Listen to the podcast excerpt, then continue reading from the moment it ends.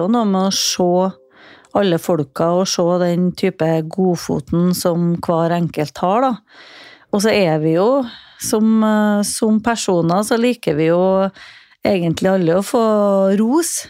Mer ros enn ris, men du må få begge deler, tror jeg, eh, for at du skal utvikle deg. Men, eh, men det å se folk og, og, tenke at det er alltid en grunn til at ting er som det er, da.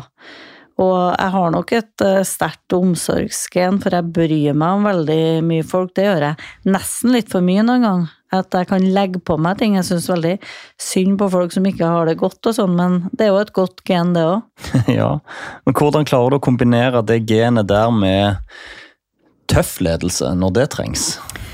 Ja, jeg klarer egentlig det, for at uh, jeg kan være veldig tydelig og streng. Da. Så det er sikkert den balansen som kan være bra, da. For at uh, jeg tror verken det ene eller det andre er bra. Hvis du har uh, bare bare ros, så er ikke det bra, og har du bare ris, så er ikke det bra. Men jeg tror at du skal se dem du leder, og du skal la dem få utvikle seg, men så må du òg være tydelig når du uh, det, Noen må nå ta noen avgjørelser hvis man ikke er enig, og det, det er ikke jeg så redd for. Det har jo vært altså, i Rosenborg mange sterke personligheter i din, i din, i din tid der. Er det, er det noe, noen spesielle hendelser du har lært mer av enn andre opp igjennom? Ja, eh, det er det jo. Og så er det ikke noe tvil om at eh, jeg er jo en bedre leder nå enn hvor jeg var for fem eller ti år siden, for at du lærer jo på erfaringer nå det er, det er jo en del ting du ikke kan lære deg, men som du må erfare. Men eh, jeg tror nok at det kommer godt med at jeg er eh, god med folk, og prate Jeg er ganske god på kommunikasjon, og jeg tror at det gjelder å prate med folk, da. Og, og høre på forskjellige For det er jo alltid minst to sider av en sak. Og så er det deriblant at uh, det er jo ikke alle som er enig i beslutningene, men det er kanskje greier, det er bedre å få høre beslutninger enn å høre det via andre. Så jeg tror at uh, i et lederskap så blir det aldri Kommunikasjon blir aldri Det blir aldri nok kommunikasjon. Jeg tror det å snakke sammen er viktig, da. Og så er det krevende når du har det travelt, men uh, prøv å kjøre allmøter, prøv å, å snakke med folk også. Og så være litt tydelig på rolleforståelsen. Hvem er det som eh, leder hver enkelt, liksom? Ikke, ikke gå inn på områdene til andre. La ledere få være ledere òg, men eh, Nei da, det er mye personligheter, men det er veldig mye trivelige folk, da. Eh, jeg må jo si det. Og så lærer du deg å kjenne folk fra ulike sider, da. Men hvordan har din dialog vært opp igjennom med altså sånn som med f.eks. Eh, trenerne? Som en Kåre Ingebrigtsen, som en eh, eh, Åge Hareide, en Per Joar Hansen. Eh, hvordan har den vært?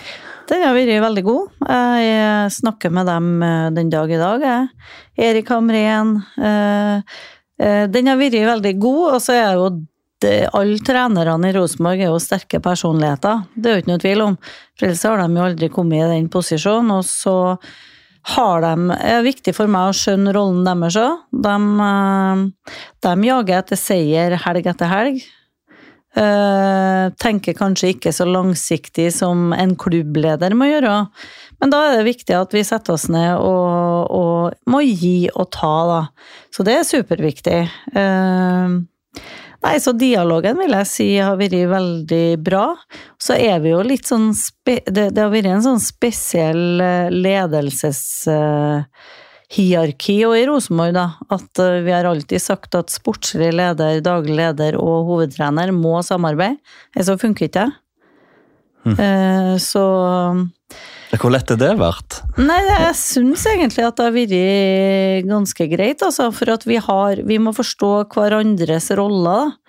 Noen må passe på pengesekken, noen må passe på de lange linjene, og noen er mest opptatt av den neste kampen. Og så må vi finne det samspillet som er best for, for Rosenborg i sin helhet, da. Du nevnte at det var mannsdominert uh, da du kom inn. Hvordan har du merka det, eller hvordan har det påvirka din rolle som, som, kvinne og som leder da, i, i, dette miljøet? Eh, det er jo ikke noe som jeg har tenkt på, men eh, det er jo kanskje har gjort det at jeg kanskje har blitt enda tydeligere, da. For at jeg syns aldri at det har vært noe problem for at Eh, man vet jo det at hvis jeg har bestemt meg, så tror jeg på en måte at da skjønner man at eh, ok, da blir det sånn òg. Og så mm. kan man ha gode samtaler i forkant, men, eh, men jeg syns òg det er enkelt, for jeg syns at det er mye enklere å forholde seg til folk som er ærlige og rett fram, syns jeg, enn at man tar diskusjon i bakkant. Så jeg har jo lært meg det å samarbeide med mye sterke personligheter, og ikke minst mye mannfolk, da. Men uh, de er tydelige, dem òg, og det liker jeg.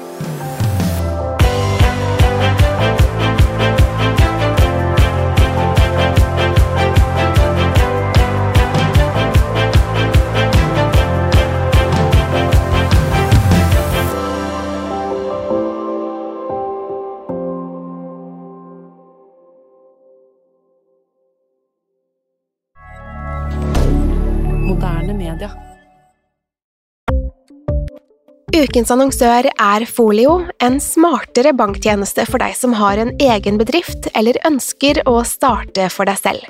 Folio er en superenkel nettbank for bedrifter. Som kunde i Folio får du en bedriftskonto med et bedriftskort og app. I denne appen er det smarte løsninger som forenkler regnskapet ditt, uansett om du har en liten bedrift eller et enkeltpersonsforetak. Folio er både intuitivt og brukervennlig, og er laget med et enkelt språk. I tillegg tilbyr de forutsigbare priser og ingen skjulte gebyrer. Skulle du likevel trenge det, så kan du snakke med deres raske og hyggelige kundeservice, og der får du prate med en faktisk person og ikke en chatbot. Folio er med andre ord både enklere og koseligere enn banken.